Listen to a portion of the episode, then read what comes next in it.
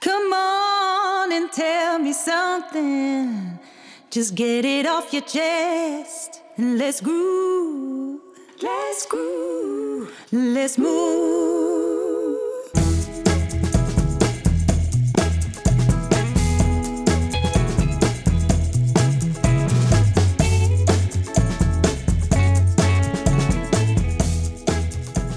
Oké, vandaag uh, staat de vraag centraal van mijn uh, marketingdocent Wouter de Vries. Waarom wil je en moet je een blauwe banaan zijn? En zijn boekje heeft als ondertitel Hoe creëer ik als dienstverlener unieke kernvaardigheden en onderscheidend vermogen? Nou, dat is mooi. Ik ben dus vandaag je gastheer Ron Steenkist, Tanders Business Coach, eigenaar en chef de kliniek van Tante Kunne Nellestein, onderdeel van de Dent Connect groep en mijn mede-gastheer Nico Bezuur, vrijberoeper, ondernemer, coach en tandarts bij Kiom Tandartsen. Vandaag, die is goed hè? Vandaag eerst mm de uitleg over het blauwe boekje. En op het eind uh, staan we graag open voor alle vragen die beantwoord moeten worden. En mogelijk hebben wij daar natuurlijk het antwoord op, Nico. Wat denk jij? Um, ja, nou, ik heb mijn bananen bij me hoor. Ja, heel goed. En past dus ook in de schil? Nee. Nee, dat is het punt hè. Wouter de Vries is uh, zeer belangrijk voor mij geweest. In 1991 volgde ik een HBO-opleiding bedrijfseconomie. En specifiek het vak uh, commerciële economie of simpele marketing geheten werd gegeven door Wouter de Vries. En ik haastte me twee keer per week achter, nadat ik de tandartspraktijk achter me gesloten had, snel naar de Hogeschool Holland in Holland. En nam dan een broodje in de metro en, en keek ontzettend uit naar de, de lessen van Wouter. We waren toen allebei begin 30. Ik was eigenaar van Tante Kunne Nellestein met toen slechts twee kamers. En uh, Wouter was na jaren in de kibbutz uh, begonnen, was hij was begonnen als docent op de hogeschool.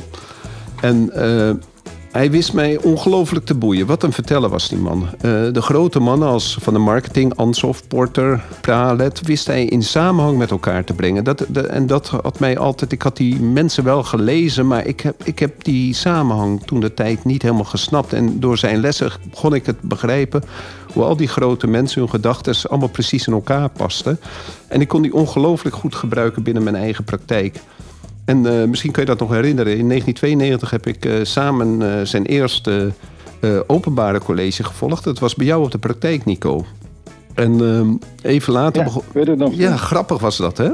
Jij, jij was volgens mij toen net prachtig verbouwd. Een paar jaar daarvoor. Nou, Wouter had het natuurlijk nog nooit gezien. Hè? Die, die zag ons als tandarts. Hè? Uh, die was ongelooflijk onder de indruk van, van jouw praktijk toen met toen zeven kamers. Volgens mij heb je er nu negen of zo. Tien. Tien, wauw. En het grappige is dus dat we dat even later werd hij gevraagd voor uh, op de VU, uh, op de universiteit lessen te geven, dienstenmarketing. En daar heeft hij in principe wel een hele grappige anekdote over. En vandaag wil ik het dus hebben over het boekje uh, De Blauwe Banaan. dit boekje wist jarenlang in het management top 100 te staan en is met recht een millionseller. En het is een van de 27 boeken die Wouter geschreven heeft. Dus uh, sinds 1991 27 boeken schrijven. Dat is een ongelofelijke productie. Dat, uh, wie, wie redde dat? En dat allemaal over marketing. En waarom is de titel nou uh, de blauwe banaan van het boekje? Of blauwe bananen, het is meervoud. Uh, Wouter omschrijft het zo. De banaan, dat is de meest bekende vrucht. En ook de meest bekende vraag over vruchten op internet is... waarom zijn de bananen krom? Uh, ik geloof dat hij, als je dat intoetst, kom je ongeveer op uh, 300, 300 miljoen hits. Dus dat is nogal wat. Dus iedereen kent verder de bananenkleur geel. Als je dat natuurlijk vergelijkt met de kleur van tandheelkunde Nellestein groen.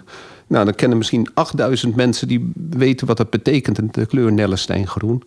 2,6 miljoen mensen schijnen de kleur KLM blauw te herkennen. En 6,6 miljard mensen in de wereld kennen de kleur bananengeel. Dat is dus onovertroffen.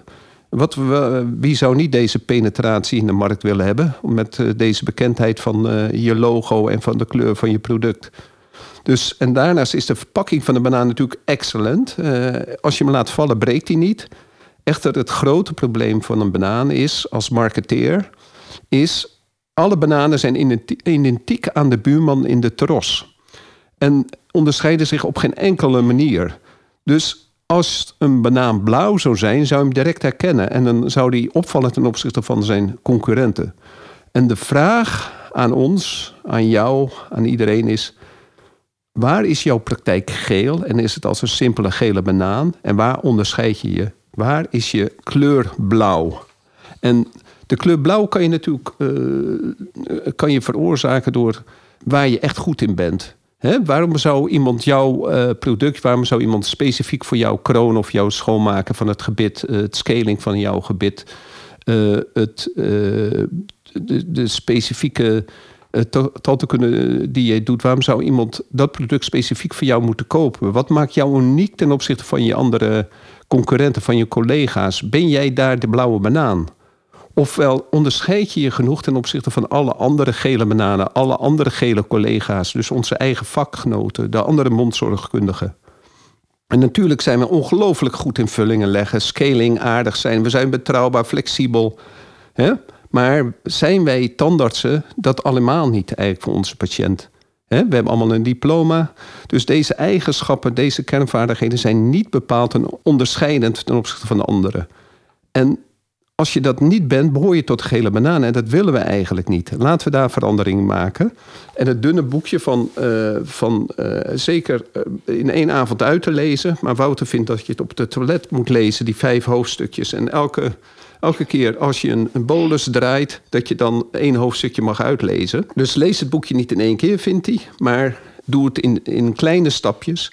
En in essentie is dit boekje een uitwerking van het meesterwerk van Hamal en Pralat uit 1995, eh, Competing for the Future. Wat Wouter dus ook zelf het beste boek vindt uh, wat ooit verschenen is op marketinggebied. En hij legt Pralat zo uit uh, op de manier van weten waar je goed in bent. Zie je kernvaardigheden, je core competentie als een, soort, als een soort lichaam, als een, ja, als een lichaam. En het hoofd, het denkwerk, dat zijn de kenwaarden die je afspreekt. En de benen van het lichaam, dat zijn al jouw producten, processen en personeel. En dan bedoelt hij dus niet gewoon de gewone processen. Die, die de tandartsen, wat ik net al zei, wat de tandartsen zich toe-eigenen. Zoals betrouwbaar, deskundig aardig, meedenkend, ehm, flexibel, uh, goede tanden kunnen doen. Nee, maar hij bedoelt alles wat anders is dan je kernproduct, je toegevoegde product, waar je dus kan onderscheiden. En bedenk ook goed waar je eigen praktijk van gaat kwispelen. Waar wil je goed in zijn? wat, wat, vind je, wat vind je fijn? Oké, Nico, dat was een, uh, een beetje lange inleiding. dus uh, nou. het boekje gaat over de vier B's. Hè? Help me eens, Nico. Wat waren de, de vier B's waar het boekje De Blauwe Banaan over gaat? Behoefte, belofte, beleving, bewijs. Het zit er goed in, Nico. Ja, man. Is het, is het voor jou ook een belangrijk boekje geweest? Nee, ik heb het boekje niet gelezen, Vekke.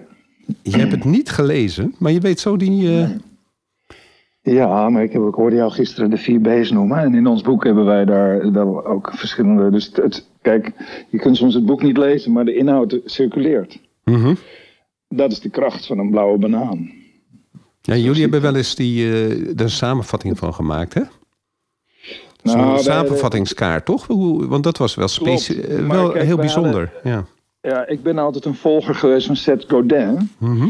En die, had, die heeft een heel boek geschreven over de paarse koe. Nou, ah. daar gaan we al. Ach, jeetje, jeetje. ja. Dus, uh, Hoe onderscheidt een paarse koe zich? Ja, je ziet het in het veld. Ik bedoel, een koe is een koe. Nou, nou, ben ik het, nou vind ik een banaan nog, nog universeler op elkaar lijken. Dus uh, ik, ik, ik kan nog wel het verschil tussen de ene en de andere mooie koe zien. Maar toch, een paarse koe in het veld zou je enorm opvallen. Dat is de Milka-koe, uh, toch? Ja, dat is de Milka-koe. Iedereen refereert dan altijd naar de Milka-koe. Klopt, ja, dat is de kleur blauw van de Milka-koe.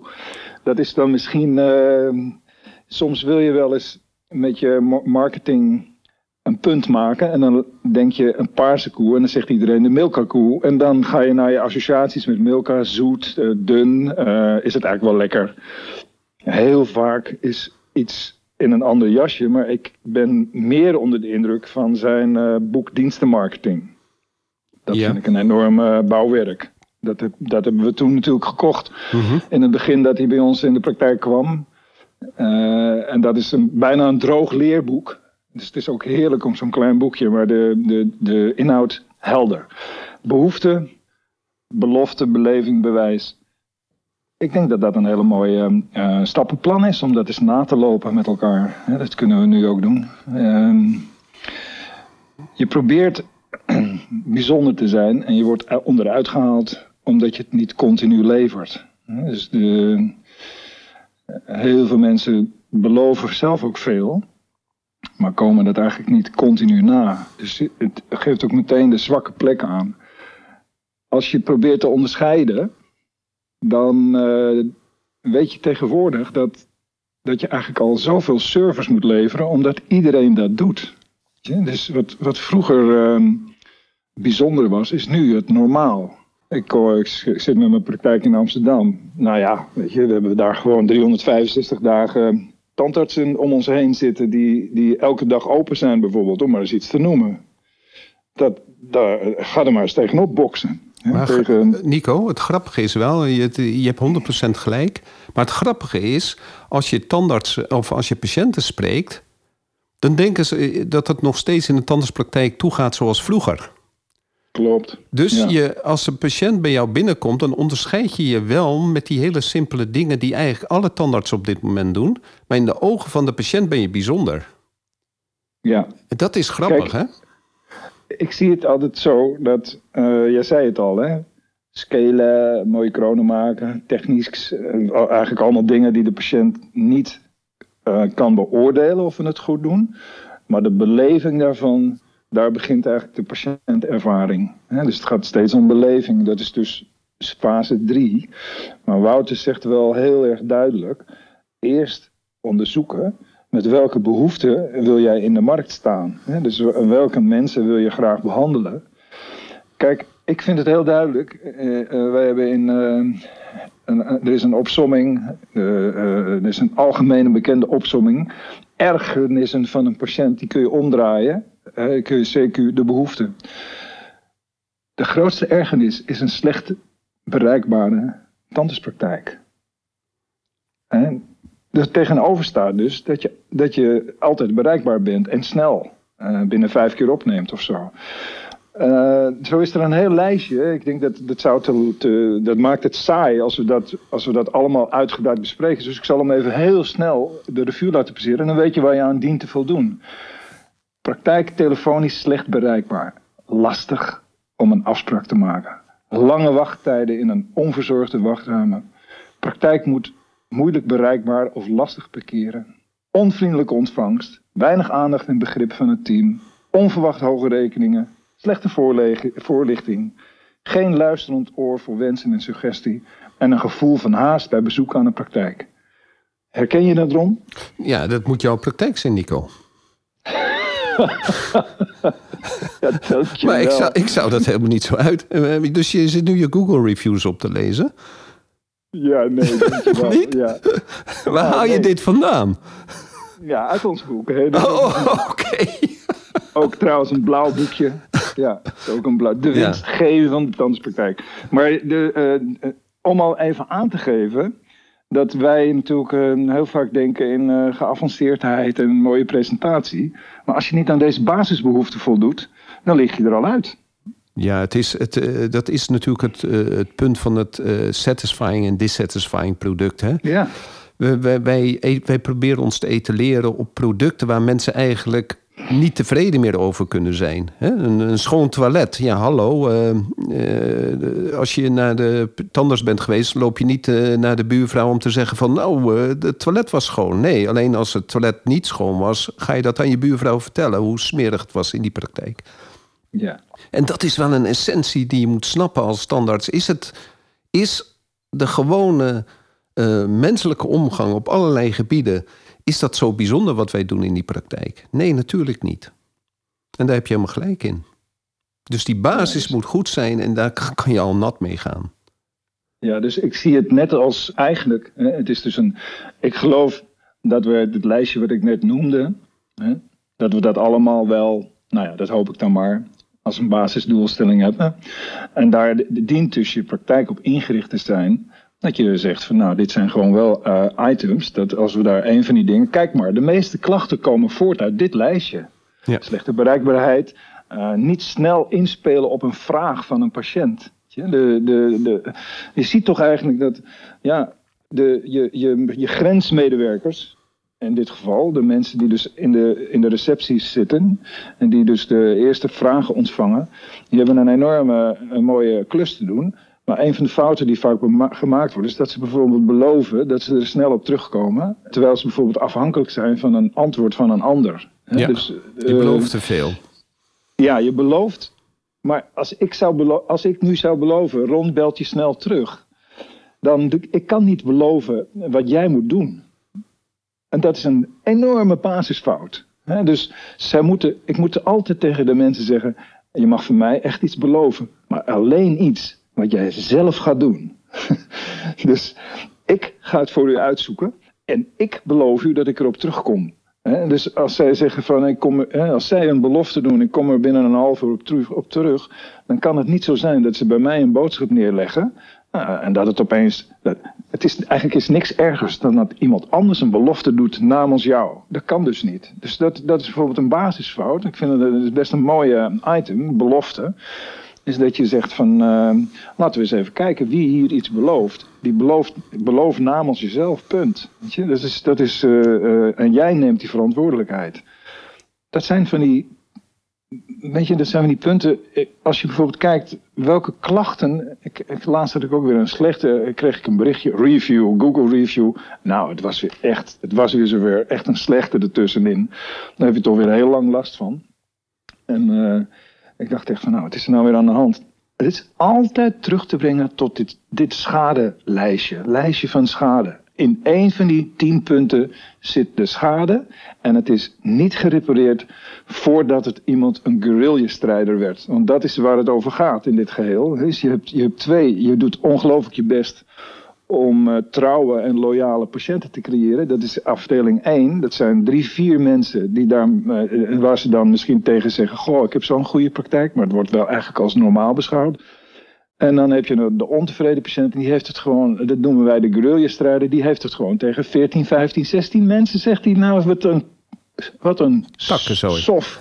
Wat een, ja, precies. Wat een sof. Moet je nou eens horen wat mij overkomt. Oh jeetje, ja zeg, welke praktijk is dat? Nou, daar ga ik zeker ook niet naartoe, zeg. Dus hup, daar ga je. En nog eens een keer wereldwijd maken met een review. Omdat ze echte guerrilla's zijn, hè. Want dat merk je. Want het, als iemand een slechte review schrijft dan is hij echt van plan om je te raken. Mhm. dat, is, dat is echt, dat is toch ongelooflijk hè, dat je in deze tijd. En dan staat er ook nog, wilt u reageren? Terwijl dan zit je echt vol met dat je denkt, ach jongens, waar hebben we nou toch weer dit aan te danken? Wie heeft hier weer iets te lang laten liggen dan? En wie is hier dan in zijn eigen eer blijven steken en in zijn eigen gevoelens, in plaats van bijvoorbeeld toegeven? Ja, toegeven is heel makkelijk hè? Het is een van de moeilijkste dingen, weet je. Gewoon je bent niet fout, maar je bekent schuld. Dat is, dat is een beschermend mechanisme. Terwijl, wat doet de mens? Die zegt, ja, daar kan ik toch niks aan doen. Mm Weet je? Daar kan ik toch niks aan doen. Ik, ik, ik, had, ik had een... Uh, ik was hier uh, van de week een keer. Uh, ik heb een vaste plek waar ik met mijn auto langs rij. S'morgens heel vroeg, zo rond een uur of zes.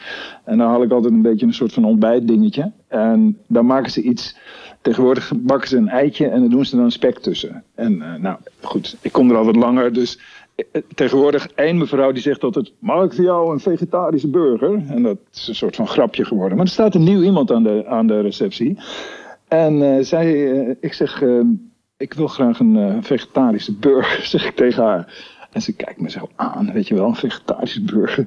Deze meneer wil een vegetarische burger. Komt die mevrouw die mij altijd helpt, die zegt, ja, meneer is vegetariër. Zegt zij, ja, dat weet ik toch niet?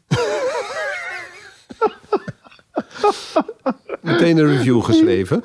Ja, ja, ja. Ja, ja, uh, meteen afmaken. Snap je deze, dit, ja. dit oerinstinct van de mens? Ja. Hoezo? Hoe kan ik dit weten? Natuurlijk. wat was nou de...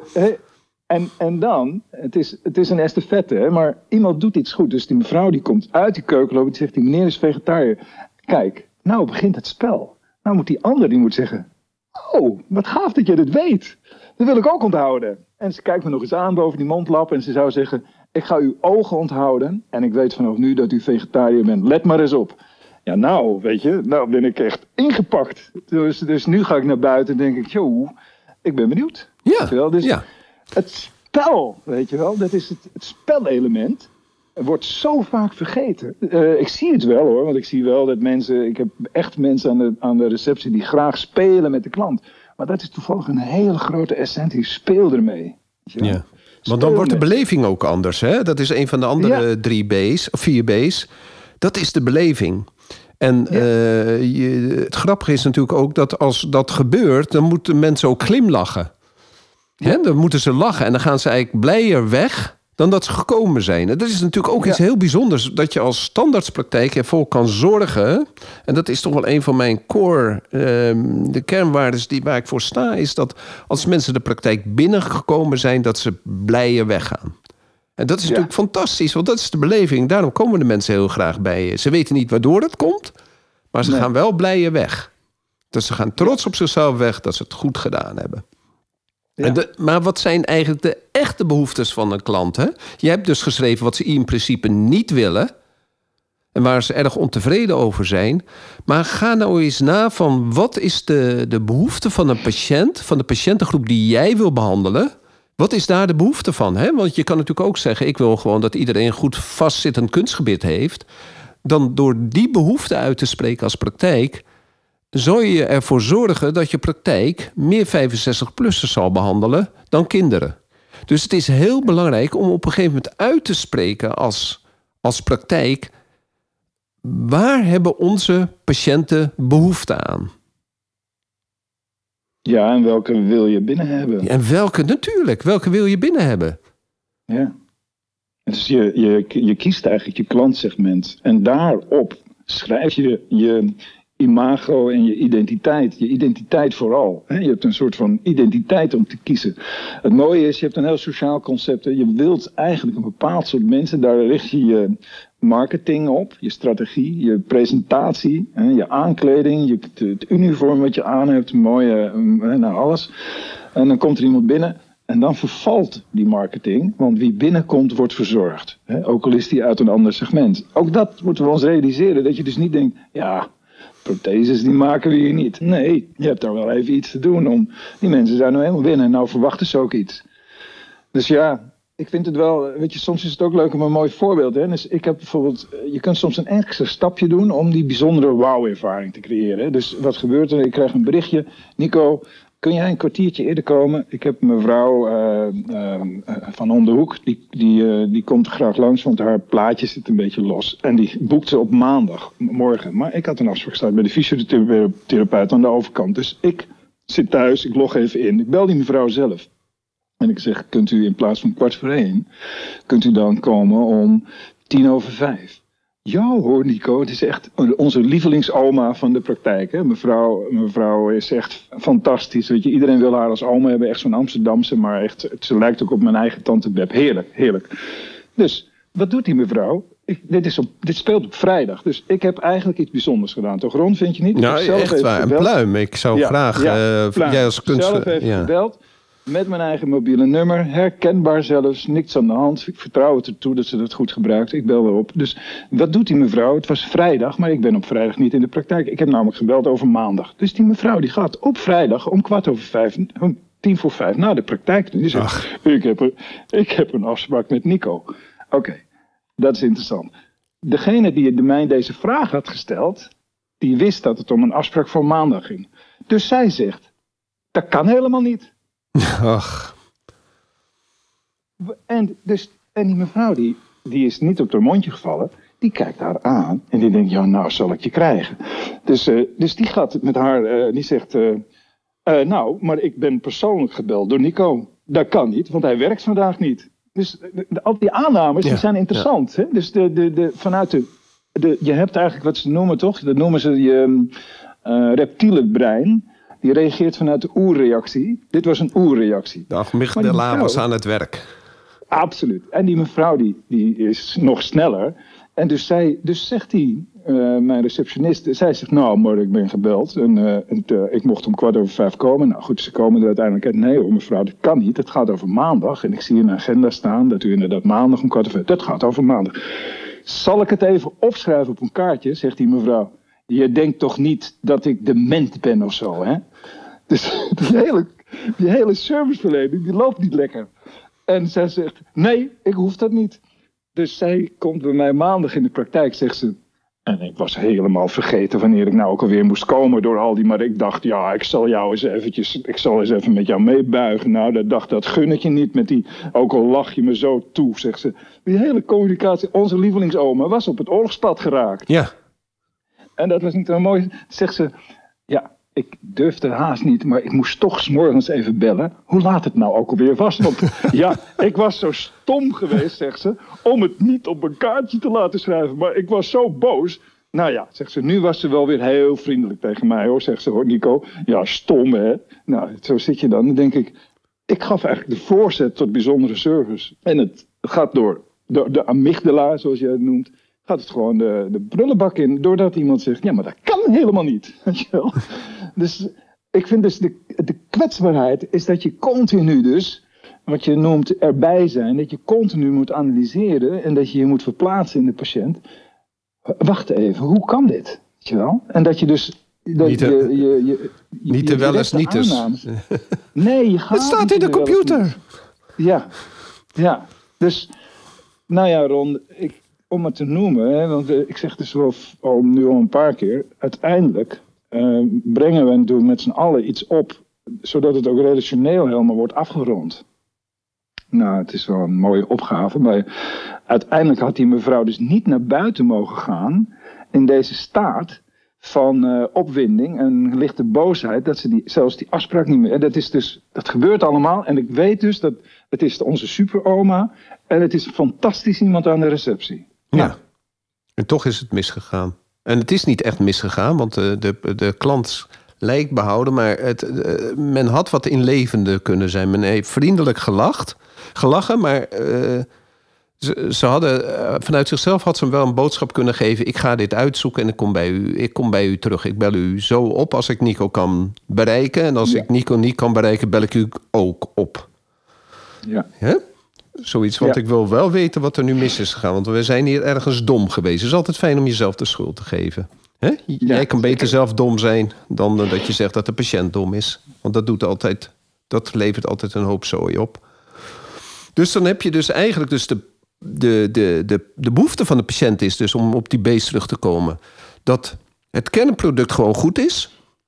Dat er een toegevoegd product is maar ze denken, hé, hey, wat goed. En dat er boven, boven dat toegevoegde product nog een wauw-product is. En het grappige is, wanneer wordt het toegevoegde product nou echt gewaardeerd? Hè? Dus eh, als je... ehm, eh, je kan natuurlijk als praktijk eh, kan je gewoon een, eh, een praktijk zijn wat, eh, wat eh, die gewoon een algemene tandheelkunde doet. Maar je kan natuurlijk ook, en wat natuurlijk, daardoor worden die praktijken ook allemaal groter, dat je gewoon ervoor kan zorgen dat het meer ehm, one-stop shopping wordt. Hè? Dat, het, eh, dat je zoveel mogelijk dingen in eigen huis hebt. En dan moet je dus weer ook als praktijk weer bedenken: is het eigenlijk wel handig als praktijk bijvoorbeeld dat je een kaartchirurg in huis hebt? Van, Ja. Is dat de behoefte van de praktijk? Dat wij, omdat we one-stop shopping voorstaan, is het behoefte van de praktijk dat als de kaartchirurg weg is, dat wij met mensen met kiespijn en bloedende monden de volgende dag in de wachtkamer zitten? Is het niet beter om dat gewoon dat bij de specialist te laten in het ziekenhuis of in zijn kliniek? Waar heb je als praktijk behoefte aan? Want dan moet je ook beslissen van welke one-stop shopping willen we wel en welke one-stop shopping willen we niet.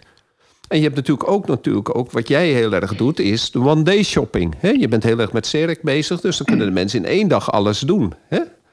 Ja. Echter, je moet ook de behoefte hebben in jouw praktijk om dat en die one-day shopping natuurlijk te hebben. Want je kan het natuurlijk makkelijk uitstellen, ondanks dat je aan het aan het eh, de spullen maakt, kan je beste patiënt pas de volgende dag terug laten komen. Dus je moet, hè, want eh, je, je, die one-stop shopping geeft toch ook altijd weer, als je het niet goed regelt, geeft ook altijd weer stress. Dus je moet kijken, Ja. wat is de behoefte van de patiënt, maar wat is de behoefte van de praktijk? En welke belofte doe je aan de, hè, aan de patiënt? Want bijvoorbeeld, wij kunnen in principe in huis bijvoorbeeld de plaatjes voor de, eh, voor de orthodontie maken, hè, de clear overlays. Echter, dat geeft wel stress bij degene die dat doen. Niet alle assistentes kunnen dat. Maar er moet dan wel buiten, hè, want er is geen tijd voor vrijgemaakt. Zo'n dingetje komt, mensen komen binnen, kapotte clear overlay. Ja, Kunnen wij dat op dat moment leveren? Kunnen wij die service leveren? Of levert die service heel veel stress in de praktijk op? Hè? Dat is de behoefte van de patiënt, behoefte van de praktijk. En de behoefte van het team en behoefte ook natuurlijk van de praktijkleider of van de, van de onderneming zelf. En daarnaast krijg je natuurlijk welke belofte doe je aan de, aan de patiënt, maar welke belofte heb je ook aan je team gemaakt? Hè? Dat is ook weer dat waar zit de stress en waar zit de service en waar kan je iedereen tevreden houden? En dan gaat het dus niet alleen over de beleving, de be van de, van de, van de patiënt, maar ook eh, de beleving van het team. Want het bewijs, hè, het bewijs als uh, je had net allemaal slechte reviews, maar eh, je kan natuurlijk ook heel veel goede reviews krijgen. En het, een van de belangrijkste bewijzen natuurlijk is, is uh, dat je aan die vier B's voldoet, is dat je gewoon een mooie, goede, gezonde onderneming hebt en krijgt. En die het steeds beter mm. zal doen. Dat is natuurlijk het ultieme bewijs dat je het goed doet. En, dat je, en dat mensen dat uitdragen. je hebt het over je ambassadeurs. Natuurlijk uh, heb je ambassadeurs. Maar Google is natuurlijk ook onze grootste ambassadeur. hoe vaak is het niet dat je even iets opzoekt op Google... en je ziet een aantal uh, twee of drie uh, sterren staan... of soms wel gemiddelde van drieënhalf. En denk bij mezelf, jeetje. Ik heb laatst een boek gelezen van een... een, een een eh, consulent in tante, op tantekundig gebied. Die echt een prachtig boekje heeft uh, geschreven. Echt, uh, dan kijk ik op de website. en dan staat er, staan, is het gemiddelde 3,5. Hè, van de, En dan denk ik bij mezelf, hé, hey, je hebt een prachtig boekje geschreven, maar het komt niet overeen met hetgene wat, wat de patiënt ervaart. En dat is, dat is natuurlijk wel grappig, hè? Jij zegt altijd de, de, de, de, hè, dat is eh, de woorden van de profeet. Hè? De hoeft de profeet niet zelf altijd naar, eh, hè, naar te leven. Maar dat, dat, dat mhm. is natuurlijk wel zo, hè? En daardoor word je ook afgerekend op je team, hè? Je wordt continu afgerekend. Kijk, wat ik nou wel mooi vind is dat... Ik geloof dat er een, een groot verschil is tussen uh, weten wat je moet doen en doen wat je weet. Eigenlijk weten we allemaal waar onze hoogste aandacht naar uit zou moeten gaan. En nou is het zo, hoe krijg je het nou voor elkaar? Dat we doen wat we weten, elke dag en elk moment. Je hebt bijvoorbeeld een prachtige documentaire over Giro Dreams of Susie. En er wordt heel, er is een Michelin-sterren met een heel klein uh, restaurantje. Uh, en Giro die, die doet het al, die is al 93. Uh, eh, en die, die doet nog steeds, maakt hij de allermooiste sushis. Maar als iemand dan binnenkomt en die zegt: uh, Kan ik hier ook uh, iets van een voorgerecht of zo erbij bestellen? Dan is zijn hele duidelijke antwoord: is Nee, we only serve sushis. Het is gewoon heel erg belangrijk dat je duidelijk blijft. Hè? Dus we hadden het, volgens mij hebben we een hele reeks van mooie besprekingen. Maar als je jezelf bijvoorbeeld gaat verontschuldigen waarom je dat doet, kom je al in de probleemzone. Hè? Dus als je gewoon, als je een grote behoefte hebt van dit is onze kwaliteit, hier gaan we voor, dit is onze keuze. bijvoorbeeld vroeger had je Jan Pameijer, en was ook een echte guru in de tandheelkunde. Uh, die kwam terug uit Amerika en die had daar opleiding Restorative Rehabilitation Dentistry gevolgd. Kwam terug in Amsterdam, zijn praktijk stond leeg. En dan kwam er een patiënt aan die zei: Ik wil graag uh, één kroon, want ik hoorde dat u hele mooie kronen maakt. En hij zei dan: No, we only do total rehabilitations. dus we only serve sushis. Hij, zei gewoon, uh, nee, we doen echt alleen maar totale rehabilitaties. Dus dat, dat doe ik niet. Hij zei, het was heel erg moeilijk, want ik had mijn praktijk heel erg verbouwd. Ik had geïnvesteerd, een hoop geld uitgegeven. En deze patiënten, die, die stuurde ik dan ook met liefde naar mijn collega's. Die noemde ik ook op. Die en die doet dat wel. Dus je zou in het lijstje niet voor willen komen, bij wijze van spreken. Maar die, dan verwijst die naar allerlei aardige, goede collega's. Zet hij, meldt zich daar maar. Daar kunt u goed bediend worden. Dat vind ik ook een mooie afronding. Nee, maar waar dan wel ook goed. Hij zei, ik moest wel even slikken, want mijn investering die was hoog, maar ik koos voor een lege stoel in plaats van te doen wat ik niet wilde doen, of waar ik niet, niet, niet het product waar ik voor koos. Dus dat vind ik wel, weet je, dat vind ik wel heel erg belangrijk, is dat je op een gegeven moment echt gekozen hebt om ergens voor te gaan. En dan moet je ook even door het dal. Je moet even volhouden. Het komt goed. Maar je krijgt uiteindelijk de mensen die bij je passen. En je service is alleen maar goed te leveren met de mensen die echt voor jou kiezen. Dat is, dat, die, die nemen je namelijk die foutjes weer niet kwalijk. Snap je wat ik bedoel? Ja, nee, dat snap ik precies. Dus het is Dus ook... dat is de beschermende. Er, zit ook een soort, er moet een soort van bescherming zijn. Hè? Een soort van co-creatie. Eigenlijk zou die patiënt. die zou op een gegeven moment aan die receptie kunnen zeggen. Lieverd, je moet even ietsje beter luisteren. Want zo wil Nico niet dat jij met mij omgaat. dat, is, dat is die co-creatie. Het volste vertrouwen. Dat die patiënt weet, zeg maar, dat daar bovenin, of, hè, of hoe je dat ook ziet, ook, of onderliggend als, als eh, door, doorslaande drager van je service, dat, je, dat die patiënt weet, zij functioneert nu eventjes op het randje van wat niet helemaal hoort, maar ik heb het volste vertrouwen dat Nico dit niet wil. Dus eh, anders moet je Nico maar even bellen, schat. Weet je wel? Dus, dus dat zou ze kunnen doen. En als je eenmaal daar zit, zeg maar, dat je die fans en ambassadeurs hebt. En dat je ook, in een van de eerdere podcasts hebben we altijd gezegd. Mensen willen heel graag omgaan met mensen met mooie idealen en dromen. Die ze ook aan het realiseren zijn. Niet gerealiseerd is, maar dat ze daaraan werken. Daar wil ik bij horen. Dus ik vind het heel leuk om bij iemand te horen. Als ik voel dat de kern van zo'n bedrijf gewoon hartstikke mooi is, vergeef ik ze de servicefouten weer. Dus nu heb ik de verzekering op de servicefouten, want ik weet dat ze gemaakt worden. Dat is het, dat is het ook, snap je? Ja, zo Ja. denk ik erover, Ron. Ja, nou, als, nou, eh, als ik nu aan mijn team denk, hè, of ik denk aan jouw team. Zou, Zouden zij nu weten waarin jij verschilt van de andere tandarts eh, in de stad, in Amsterdam? Zouden ze dat weten? Zou de gemiddelde tandarts weten waarin hij verschilt van de, of hij, waar hij of zij verschilt van de andere tandarts? Zou een mondhygiënist weten die een eigen praktijk heeft, waar zij- zijn of haar praktijk verschilt met die van andere mondzorgkundigen? Dat is de vraag, hè? Helaas niet. Ik heb er wel over na zitten denken. Ik, eh, eh, door, door, dit, door die, eh, die vier B's die ik weer gelezen heb. Ik denk, maar dat, heb ik, dat weet mijn team denk ik nog niet. Ik denk dat, mijn, vers- dat ik verschil... Mijn oog op tandheelkunde is... Ik wil dat de patiënt zich beter voelt als, die, eh, als hij de praktijk verlaat... dan toen hij kwam. Ik wil gewoon dat de pa- patiënt lachend de praktijk verlaat. En dat, dat, daar heb je natuurlijk tools voor. Maar het is dus ook dus dat als de patiënt eh, eh, blij de praktijk verlaat, dan moet de tandarts ook zelf blij zijn. Dus dan is dat een wisselwerking tussen het, tussen het hele team en de patiënt. Dus elke keer heb je een aantal geluksmomentjes op een dag. Nou, wat, dat lijkt me zo mooi. Om daar gewoon met z'n allen aan te werken. Ja, daarom, kijk, eh, Ron, ik zei ook als eerste, dat denk ik niet. Omdat in de flow van het dagelijks functioneren wordt te weinig de essentie van het bedrijf keer op keer herbenoemd. Laten we even opletten, jongens. Hier gaat het om. Punt 1, punt 2, punt 3.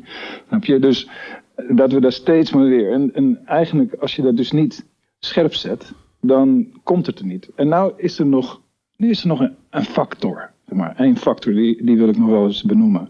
Kijk, Michael Jordan bijvoorbeeld was ook super getalenteerd. Super getalenteerd. Hij kon de hele wedstrijd in zijn eentje winnen. Dat kon hij. In het begin toen hij jong was, deed hij dat ook. Later werd hij wat ouder en toen zei een van de, zijn toen nieuwe coach iets, die zei, Michael, je kunt het niet allemaal alleen blijven doen. Je moet de bal afgeven. Interessant in deze, hè, dus ik, ik denk dus, wij geven de bal af. Dat is, dat is belangrijk.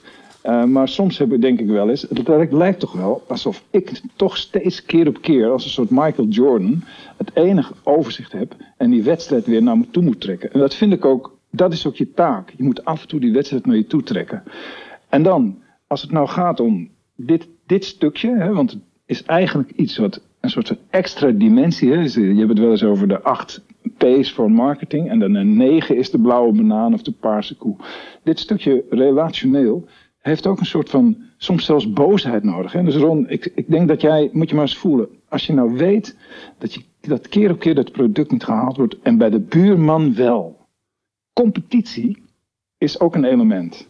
Als je gewoon weet dat je beter wilt zijn dan een ander, En dat je dus, dus en om even terug te gaan naar het voorbeeld, als Michael Jordan, als mensen die die gewoon herhaaldelijk gewoon kenden, ook in het gesprek, als die hem uitdaagden door eigenlijk te negeren dat hij zo goed was en dat hij, dat hij het gevoel kreeg dat ze dachten dat ze wel even van hem konden winnen, dan werd hij zo boos, zo boos, en dan pas kwam hij bij zijn supertalent uit. Dat was zo interessant. Dus soms moet je ook gewoon die, je moet gewoon voelen dat het een wedstrijd is. Weet je wel? Dat, je, dat je gaat falen en dat hij verloren gaat. Hij gaat verloren als je niet uitkijkt. Nou ja, die mentaliteit die wordt natuurlijk niet zo vaak benoemd in het, in het dagelijkse. Ik denk dat we te veel normaal doen. Ja, jij, jij, jij, jij vindt dat we te, eigenlijk af en toe die overdrive moeten aanzetten. Af en toe, eigenlijk de hele tijd. Dat is best een moeilijke vraag. Eigenlijk is elke keer, elk bezoek is een hele wedstrijd. Dus hij moet netjes helemaal tot aan het eind afgerond worden. En dan moet de slagroom er ook nog op. Bijvoorbeeld, iemand komt bij mij uit de behandelkamer. Ja, en is confused van de behandeling. Hoe goed ik ook was, hand op de schouder. Heb je goed gedaan, heb je fantastisch meegewerkt. Als er nog problemen zijn, bel ons, laat het ons horen. Nou, de receptie belt ook nog even na, maar er zit nog een klein stukje. De patiënt loopt van mijn behandelkamer langs de receptie de deur uit. Mijn receptie ziet iemand wandelen, schat in hoe de gesteldheid van de patiënt is ziet dat hij een beetje uit balans is. Of misschien een bepaalde vraag niet had moeten stellen. Scoort, voelt, ruikt, gebruikt de zintuigen. En zegt dan, hallo, mevrouw de Boer. Ging alles wel goed? Kan ik u nog ergens mee helpen? Is het duidelijk wat de volgende stap is? Zal ik u anders even bellen vandaag als het, uh, of het nog steeds uh, in orde is? Dat is de slagroom, hè? de service. Alleen wat nou zo interessant is, elk stapje extra wat de volgende keer niet geleverd wordt, is een downer. Ja, dissatisfying. Ja, dus ja, nou, ja, ga er maar aan Dus als, als de mensen, hè, dus soms denk ik wel eens, ik weet niet hoe jij dit ziet, Ron, maar soms maken we deze opnames en denk ik, indirect ben ik mijn team weer aan het motiveren en inspireren via deze opnames. Het wordt weer eens een keer vastgelegd met alle passie en wensen en verlangens en dromen en idealen die we hebben. En nou terug naar de werkvloer. Jongens, doe het. En soms kijk ik de mensen in de ogen, die hebben er dan naar geluisterd. En laatst zei iemand tegen mij, iemand van het management, die zei, ja, ik heb er eentje geluisterd. En die zei, komt wel heel erg dichtbij. ja, dat is mooi, ja. Want uh, het, het, het, mooie van, de, van, het, natuurlijk van zo'n opgenomen, opgenomen opname... dat zit vaak tussen de oren. Hè? Mensen gaan er niet op de gewone installatie naar luisteren. Maar ze, eh, nee. je bent echt tussen een oor op dat moment. En ze kennen jou natuurlijk als baas. Dus dat, dat komt zeker binnen. Ja. Um, Nico, de, zullen we een, uh, een samenvatting geven en daarna nog wat vragen? Ja, geef jij maar. Je hebt een mooie intro gegeven. Ik denk dat we het inderdaad kunnen samenvatten. Ik heb wel een uh, onderdeel. Ik heb gezien, ik ben ook bezig met het schrijven van een hoofdstuk over teams. Uh, voor, voor ons boek. Uh, de winstgevende tandartsproject, de nieuwe, nieuwe druk, nieuwe editie. Golden dan, Edition. Dat, golden Edition, yes, my latest, my last one. Of my latest edition. en toen dacht ik, oké, waar blijft het nou op steken? Waar blijft het op hangen, zeg maar? Waar, waar gaat het, waar, wat is nou eigenlijk we kunnen het allemaal zo mooi opschrijven. Toen dacht ik, ja, het, er komt op een gegeven moment, raak je toch het mechanisme, het volgende mechanisme. Mensen komen bij jou in de praktijk, ze hebben opleiding en training, ze worden geïntroduceerd in de weg. Die is vaak niet heel erg goed. In de meeste praktijken is daar te weinig tijd voor. Er is namelijk veel te veel noodzaak dat die mensen al in hun functie aan de stoel, waar dan ook zitten, waar ze gemist werden. Dus het begintraject van opleiding en training, dus dit hele stukje wat we bijvoorbeeld net hebben besproken, technisch, functioneel, relationeel. Daar wordt weinig aandacht aan besteed. Maar goed, let Nou, oké, misschien is het een topper aan het worden. Of is het al. Hè? Fase 2, iemand functioneert heel erg goed. En langzaam zeker komt de sleet erin, de uitdaging verdwijnt. Fase 3 ontstaat. Fase 3 bemoeien we ons niet mee. Uh, te weinig is namelijk dat we die toppers weer moeten oppakken om te coachen, om te kijken hoe we ze in die uitdagende modus houden. Dus we hebben zoveel te doen. En dus ik dacht op een gegeven moment, ja, waar, waar, zit het hem nou in als je het over teams hebt? En dan keek ik naar Jordan en denk ik, ja, het is die uitdaging, weet je wel? Het is die wedstrijd. Er zit een soort van geheim. En ik denk, mijn, mijn opmerking is wel, ik denk dat echt uitzonderlijke bedrijven is ook wel echt opgebouwd uit zelfbewuste mensen met een mooie droom en een ideaal die samenwerken. Een kristal, kristalhelder doel voor ogen. Het idee dat je elkaar nodig hebt en dat je uitgedaagd wordt. Elke keer weer dat je ziet dat het een uitdaging is. Dus dat, dat zou mijn samenvatting zijn. Maar ik ben eigenlijk benieuwd naar jouw uh, laatste woorden hierin. Ja, als je dit, als, je dit zo zegt, moet ik altijd uh, denken aan het uh, Peters Principle. Hè? Dat was precies het tegenovergestelde. Hè? Dat, dat kwam erop neer, mensen worden zo lang bevorderd totdat ze niet meer functioneren. Nou ja.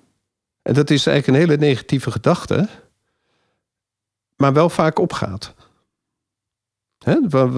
Dat mensen, als ze ergens goed in zijn, goed functioneren, dan mogen ze een stapje hoger. Een assistente die fantastisch uh, functioneert, of een tandarts die fantastisch functioneert, die moet dan opeens een chef de kliniek worden. En die moet dan opeens managen, terwijl die eigenlijk het beste wat hij kan is mooie vullingen maken. Daar wordt diegene ook gelukkig van. Hmm. En soms is het ook goed om mensen gewoon gelukkig te laten zijn. Zonder dat ze hoeven groeien. Dat ze gewoon tevreden zijn met wat ze doen, maar dat ze die dingen die ze doen ook waanzinnig goed doen. Zeker. Is ook zo. En dat je ze daarop bevestigt. Daar bevestigt wat het vervelende is. En dat, uh, je hebt daar wel eens een keer een anekdote over verteld. En uh, met het interview van Michiel Buis kwam het ook naar voren. Dat mensen elke keer een verandering. Dat elke keer dat wij de praktijk beter willen maken. Dat ze dat zien als kritiek. Jongens, het, uh, hou nou eens een keer op met de boel beter te maken. Het is toch goed zo? dus dat je vergeet de, de, schouderklop te geven. En dat je eigenlijk het steeds beter wil maken, beter wil maken, omdat je steeds meer aan de behoeften van de klant wil voldoen, aan van de patiënt wil voldoen. En dan vergeet je eigenlijk het geluk van het team. Klopt. Er staat tegenover dat we in de marketing altijd zeggen: kijk naar de natuur. Iets wat niet groeit, is dood. Dat is waar.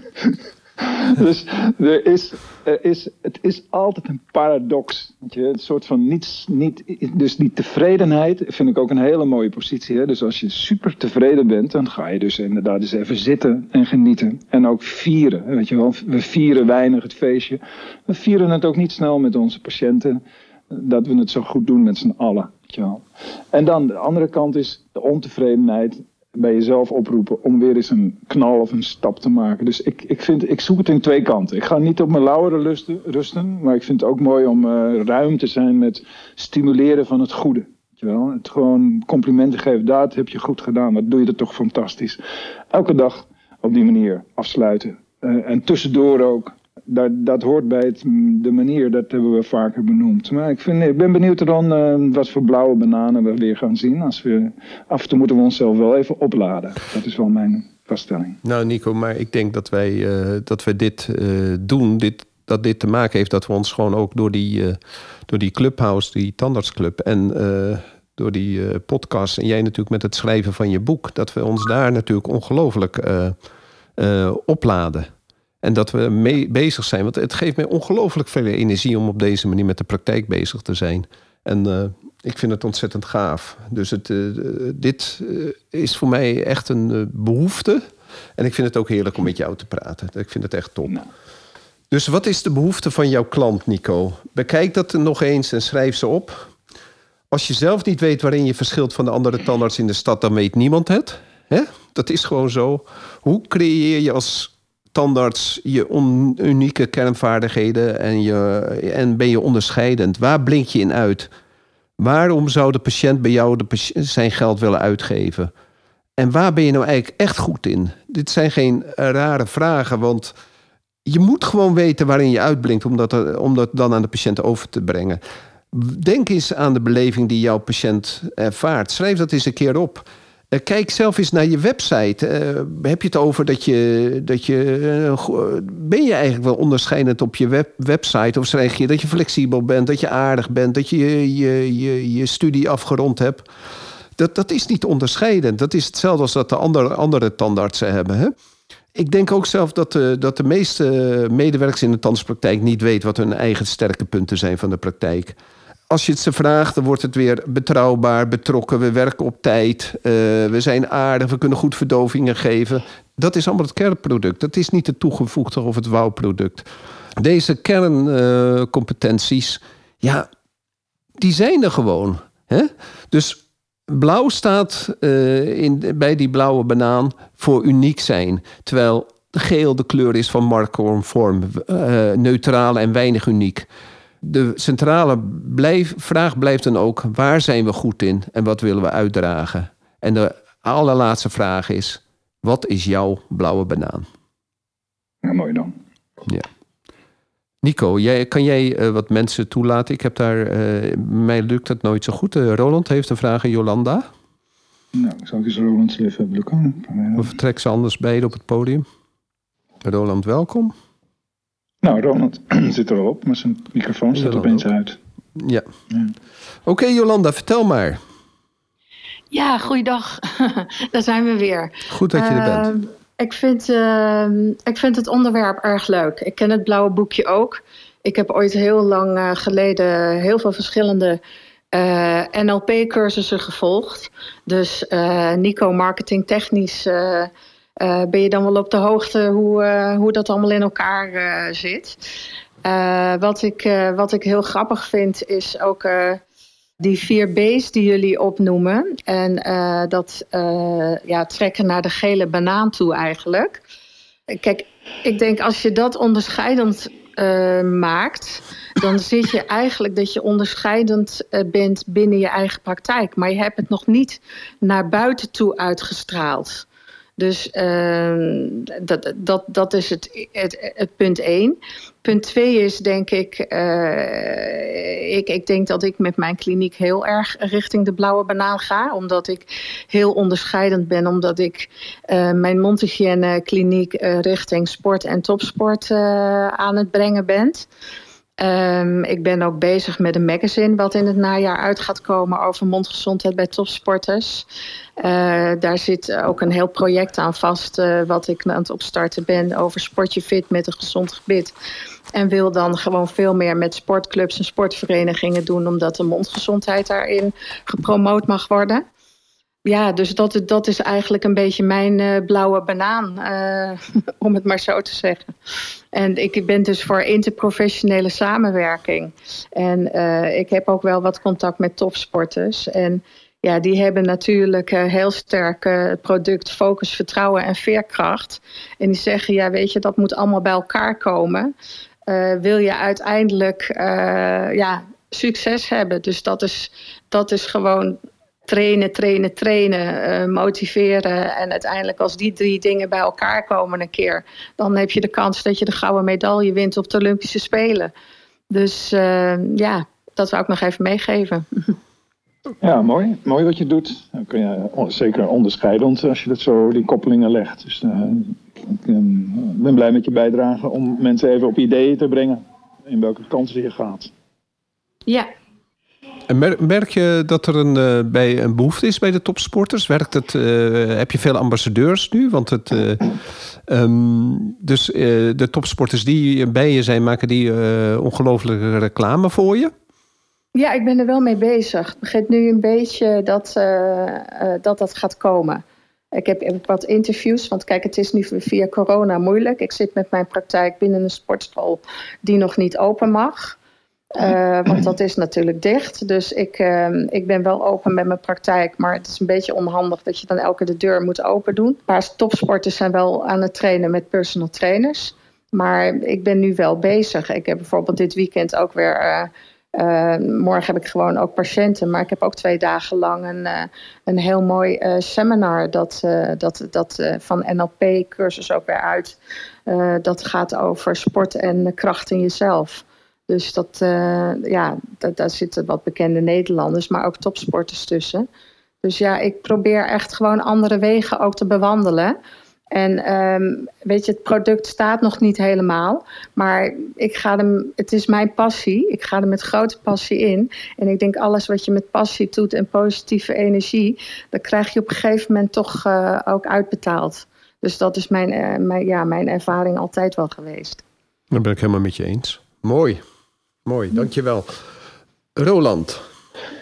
Ja, goedemorgen. Goedemorgen. Um, ik, uh, ik had twee opmerkingen. Um, uh, allereerst die, die, die tweede B van belofte. Dat vind ik een hele moeilijke. Uh, ik denk zelf dat je vooral niks moet beloven. Ik denk namelijk dat op het moment als je weinig belooft, kun je veel meer waarmaken. En als je iets belooft, ja, dan, dan, dan wordt het al lastig om uh, zeg maar dat beetje extra te geven. Uh, wat, wat, wat de patiënt die, die, die, die, nou die, uh, ja, die extreme goede ervaring geeft. Dus ik denk van ja, kijk uit, kijk uit met wat je belooft. Zeker op je website en zo. Hè? Net zoals de Jumbo, hè? Die, die, die hele rits aan, aan, aan punten hebben waar zij aan voldoen. Ja, je maakt het jezelf alleen maar moeilijk. Terwijl op, je, op het moment als je het zelf niet belooft en um, je doet het wel, dan hebben uh, patiënten die bijzondere ervaring. En wat gebeurt er dan? Dat die patiënten het tegen andere mensen gaan vertellen. Nou, en volgens mij is er niks beter dan dat mensen, andere mensen of je patiënten tegen andere mensen zeggen hoe geweldig je wel niet bent. En niet dat je het zelf doet. Ja, ik denk dat je het hoger moet zien, uh, Roland. Je, wat Jolanda net vertelde, dat is haar belofte dat zij de beste plek is voor, voor mondzorg binnen de topsport. Ja, dat, snap ik. Maar hetgeen, hetgene wat Jolande zegt, dat, dat begrijp ik. Maar zij, zet, zij uh, wordt als het ware een blauwe banaan door zich te focussen op iets wat, wat, niet, uh, wat door niemand anders gedaan wordt. Hè? En dat is iets wat zij dan op die manier ook goed kan realiseren. Maar als je bijvoorbeeld zegt, we zijn altijd klantvriendelijk of wat dan ook. Je hebt altijd wel een keer een dag dat het uh, even wat minder is. En op het moment dat je het dan voor jezelf te hard hebt geroepen. Ja, ik weet niet of dat, of dat, uh, dat, dat zo best is. Ja, je komt nu precies aan de essentie, uh, Roland, waar we het vandaag over gehad hebben. Je hebt dus je kernproduct. En, en daar uh, moet je bijzonder in zijn. Nee, je kernproduct, daar kan je niet bijzonder in zijn. Want dat is voor een, voor een patiënt is je kernproduct overal hetzelfde. Je bent tandarts, je legt nette vullingen, je toilet is schoon, je werkt op tijd. Uh, je, je, de mensen worden keurig te woord gestaan. Dat zijn dissatisfying factors. Daar kan je niet op onderscheiden. Daar kunnen mensen alleen maar ontevreden over zijn. En dat is hetgene wat jij ook zegt. Je, je, belooft veel, maar dat zijn de beloftes van je kernproduct. Je kan niet als standaard zeggen van mijn, uh, wij weten hoe moeilijk het is, maar uh, mijn uh, composietvullingen vallen er nooit uit. Dat zal, geen patiënt zal dat als een, als een wonder ervaren. Nee, het gaat erom dat je uitdraagt dat jouw vullingen die je maakt onder, op, uh, op een bepaalde manier gemaakt worden, waardoor ze niet meer van echt te onderscheiden zijn. En dan leg je uit hoe je dat doet. En dat, waardoor je anders en waar, op welke punten je anders bent dan andere tandartsen. En dan kom je met je kop boven het maaiveld uit. En dan, dan, dan uh, onderscheid je je in je belofte. Dus je belofte Duidelijk, is maar dat is ook iets. Dat is ook iets wat je gewoon iedere keer opnieuw waar kan maken. Omdat dat gewoon op een gegeven moment voor jezelf dan in je systeem zit. En waar je, waar je vat op hebt. Maar even een ander ding, uh, wat Nico zei, hè, net uh, als voorbeeld gaf met de patiënt die dan de deur uitloopt. En uh, waar dan de receptionist nog net even iets zegt, wat inderdaad juist die, voor die patiënt die, die, die, die extra ervaring geeft. En waar hij dan ook op zegt van ja, de volgende keer verwachten ze dat ook van je. Mijn ervaring is in de praktijk, we hebben een algemene praktijk, maar werken ook steeds meer op verwijzingen. het makkelijkst scoor je op mensen die verwezen zijn. Want iemand anders heeft al over jou verteld. Je hebt, het, je, je, hebt het zelf niet hoeven te doen. En het tweede is, het zijn mensen die komen voor de eerste keer bij je. Dus daar kun je op, op scoren. En als je dat de eerste keer goed doet, hoe moeilijk is het om het de tweede keer te, te overtreffen? Terwijl het bij verwijzing vaak uh, om patiënten gaat die maar, gaat die maar één keer komen. Dus uh, de patiënt komt voor een behandeling. Ik zie het ook aan de reviews op, uh, op, uh, op internet. die komen van, over het algemeen niet van de mensen die al acht jaar bij ons in de praktijk zijn. Want ja, die, die, die zijn gewend wat we doen. Daar moet, daar moet ik juist voor zorgen dat het altijd op de juiste manier blijft gaan. Maar die reviews komen juist van de mensen die één keer komen en waar je dan zeg maar topsport voor hebt geleverd. En, en voor hun is dat dan eenmalig die, die, die, die optimale ervaring. Maar hoe moeilijk is het dan om het die tweede keer uh, net zo goed of, niet, of beter te doen? Nou, ik wil er toch nog even iets op reageren. Beloftes maken schuld. Dat is duidelijk. Hè? Dat is in uh, Nederland zo, dat is wereldwijd zo. Beloftes die je wilt waarmaken, uh, en waar je aan wilt voldoen, die worden op een gegeven moment wel zichtbaar in je praktijk. Je hoeft ze misschien niet, zoals jij zegt, als je ze allemaal benoemt, nou dan begint het falen. Maar het is wel zo dat ergens moet er een niveau neergezet worden. Ergens is het zo dat ik, ik, ik wil, het gaat mij niet alleen maar om de tevreden patiënt. Het gaat mij ook om een team wat weet wat er van ze verwacht wordt. Dus eigenlijk door, mijn, door uit te spreken de waarden die ik met mijn um, teamleden uitspreken. Bijvoorbeeld, wij moeten hier, ik wil dat we hier super klantvriendelijk zijn. Ik zeg niet dat het nooit eh, mag falen. Ik zeg eigenlijk dat het altijd, zeg maar, dat je bewust moet zijn om te zorgen dat het tot het eind aan toe, ehm, zolang je er nog invloed op hebt, dat je eraan werkt. Dus dat is, dat is de belofte die we met elkaar uitspreken. Ik ben wel met je eens dat als je te veel ehm, beloftes neerzet, dat je kunt falen, ja. En toch, ik leg de lat graag hoog. Ehm, ik vind dat we boven normaal moeten presteren. Ik durf te beloven. Dat wil ik ook. Het is het contract wat ik aanga. Dat is wat ik doe. Ja. Dat is mooi, Nico. Nico, mag ik wat zeggen? Kijk, een belofte is een belofte. Maar in de loop der jaren kan dat veranderen. Dus dat betekent dat je belofte dan toch ook aangepast kan worden? zie ik dat verkeerd? Zeker. Nee, je moet continu. Continu moet je bijschaven. Zeker. Ja. Het verschuift ook. Er is ook een bepaalde sleur aan het ontstaan. Als we niet weer eens. Uh, de, kijk, je ziet ook eigenlijk. Bijvoorbeeld, alle boeken zijn al geschreven. Alleen het heeft af en toe een nieuwe titel nodig. Of een nieuwe naam, een nieuw jasje. Het is best wel vaak oude wijn in nieuwe vaten. Hè, of zoiets. Dus mhm. je moet blijven opletten dat inspiratie heeft ook iets te maken met af en toe even nieuwe woorden gebruiken. En te zorgen dat je, dat je nieuwe dingen, hè, alsof je een nieuwe focus hebt. In de basis is de kern toch altijd wel hetzelfde. Het komt heel vaak op hetzelfde neer. Alleen ik denk wel dat. Kijk, ik vind het wel mooi. Als ik iedereen hoor praten, dan denk ik, ja, het gaat uiteindelijk wel om of er een balans is tussen geven en nemen. Als ik dingen doe en ik doe het om klanten te winnen, of doe ik het om die patiënt echt te verzorgen? Weet je, om ze liefde en aandacht te geven voor die patiënt.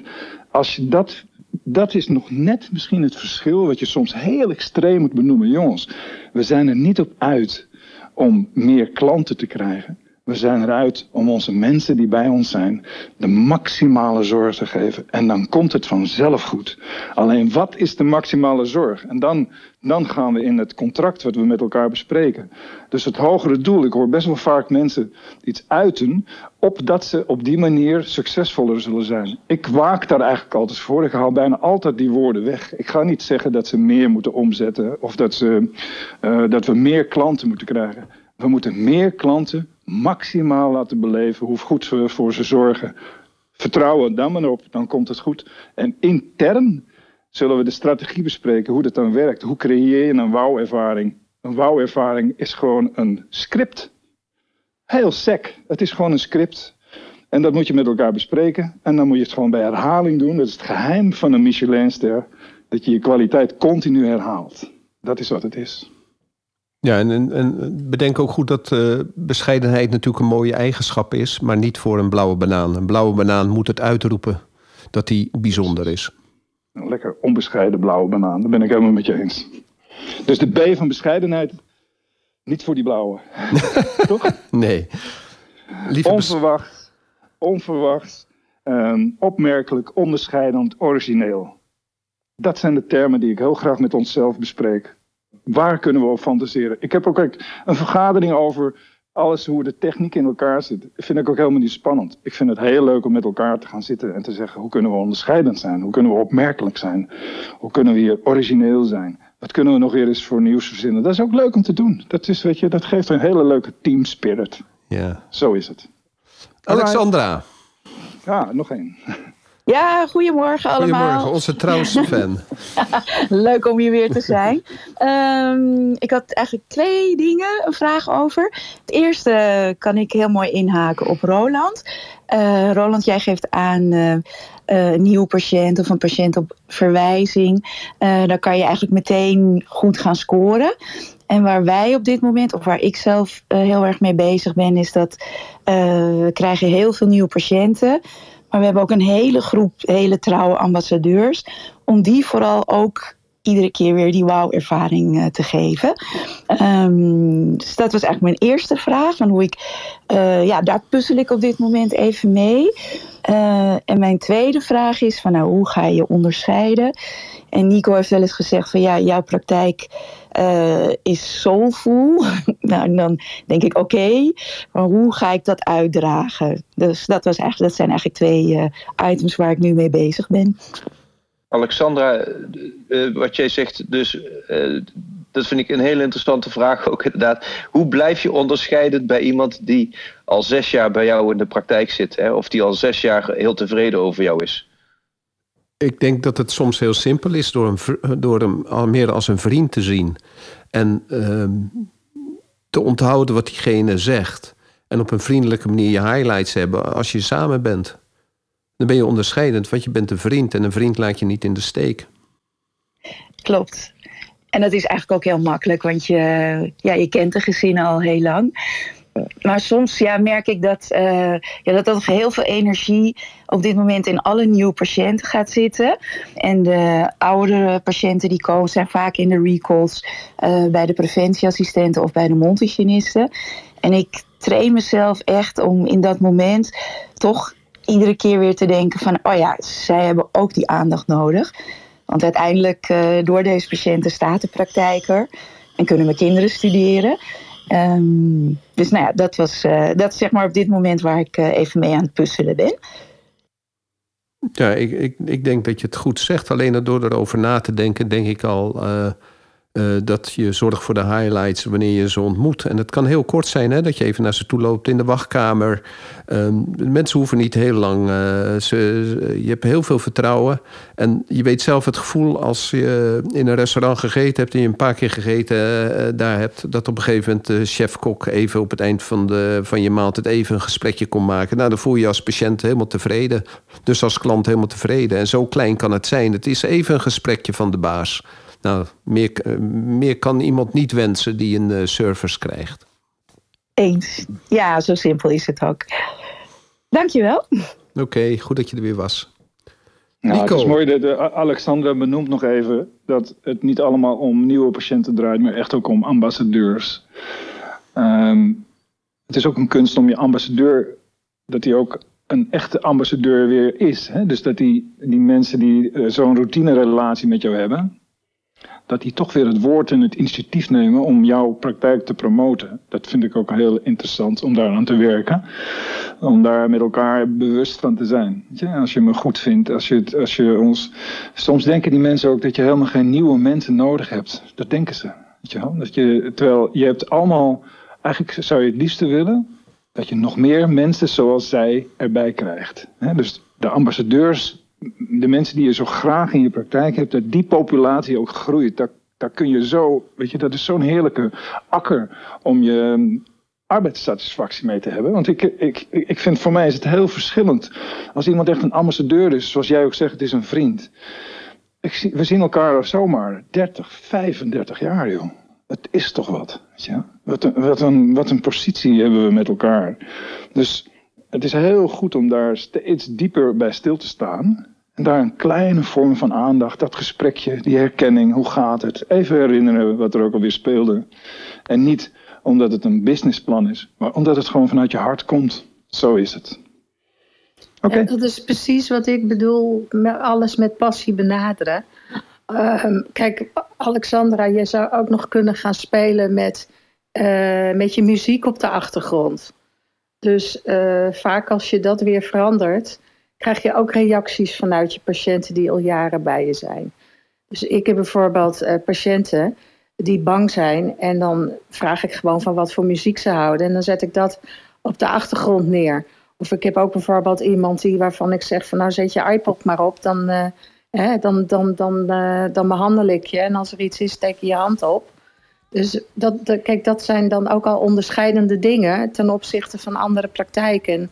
Dat vinden mensen gewoon heel fijn. Ik deel mijn passie. Ik deel mijn passie met waar ik mee bezig ben. En iedereen zegt van, goh, je bent altijd zo ongelooflijk actief met, zo, met zoveel verschillende dingen. Dat vind ik zo leuk om te horen. Dus die komen graag weer elke paar maanden bij wijze van spreken terug. Om gewoon weer nieuwe dingen te horen waar ik mee bezig ben. Dus... Precies. Jongens, ik, uh, ik moet er vandoor. Ja, dankjewel voor jullie allemaal. Voor de bijdrage van iedereen. En uh, tot de volgende keer. Tot volgende week. Dank bye, bye. Volgende keer. Dag. Doei.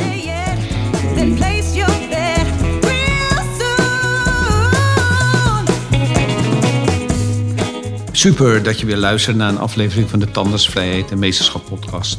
Ik zou het zeer op prijs stellen als je een review achter zou laten.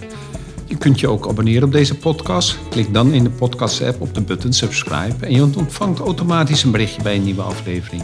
Ken je iemand die deze podcast ook leuk zou vinden? Deel deze dan. Via Spotify kan je dat heel simpel door op de drie puntjes te klikken en te delen. Je kan mij ook bereiken via mijn LinkedIn-account. Ik ben te vinden onder mijn naam Ron Steenkis. Nogmaals, dankjewel en tot de volgende keer.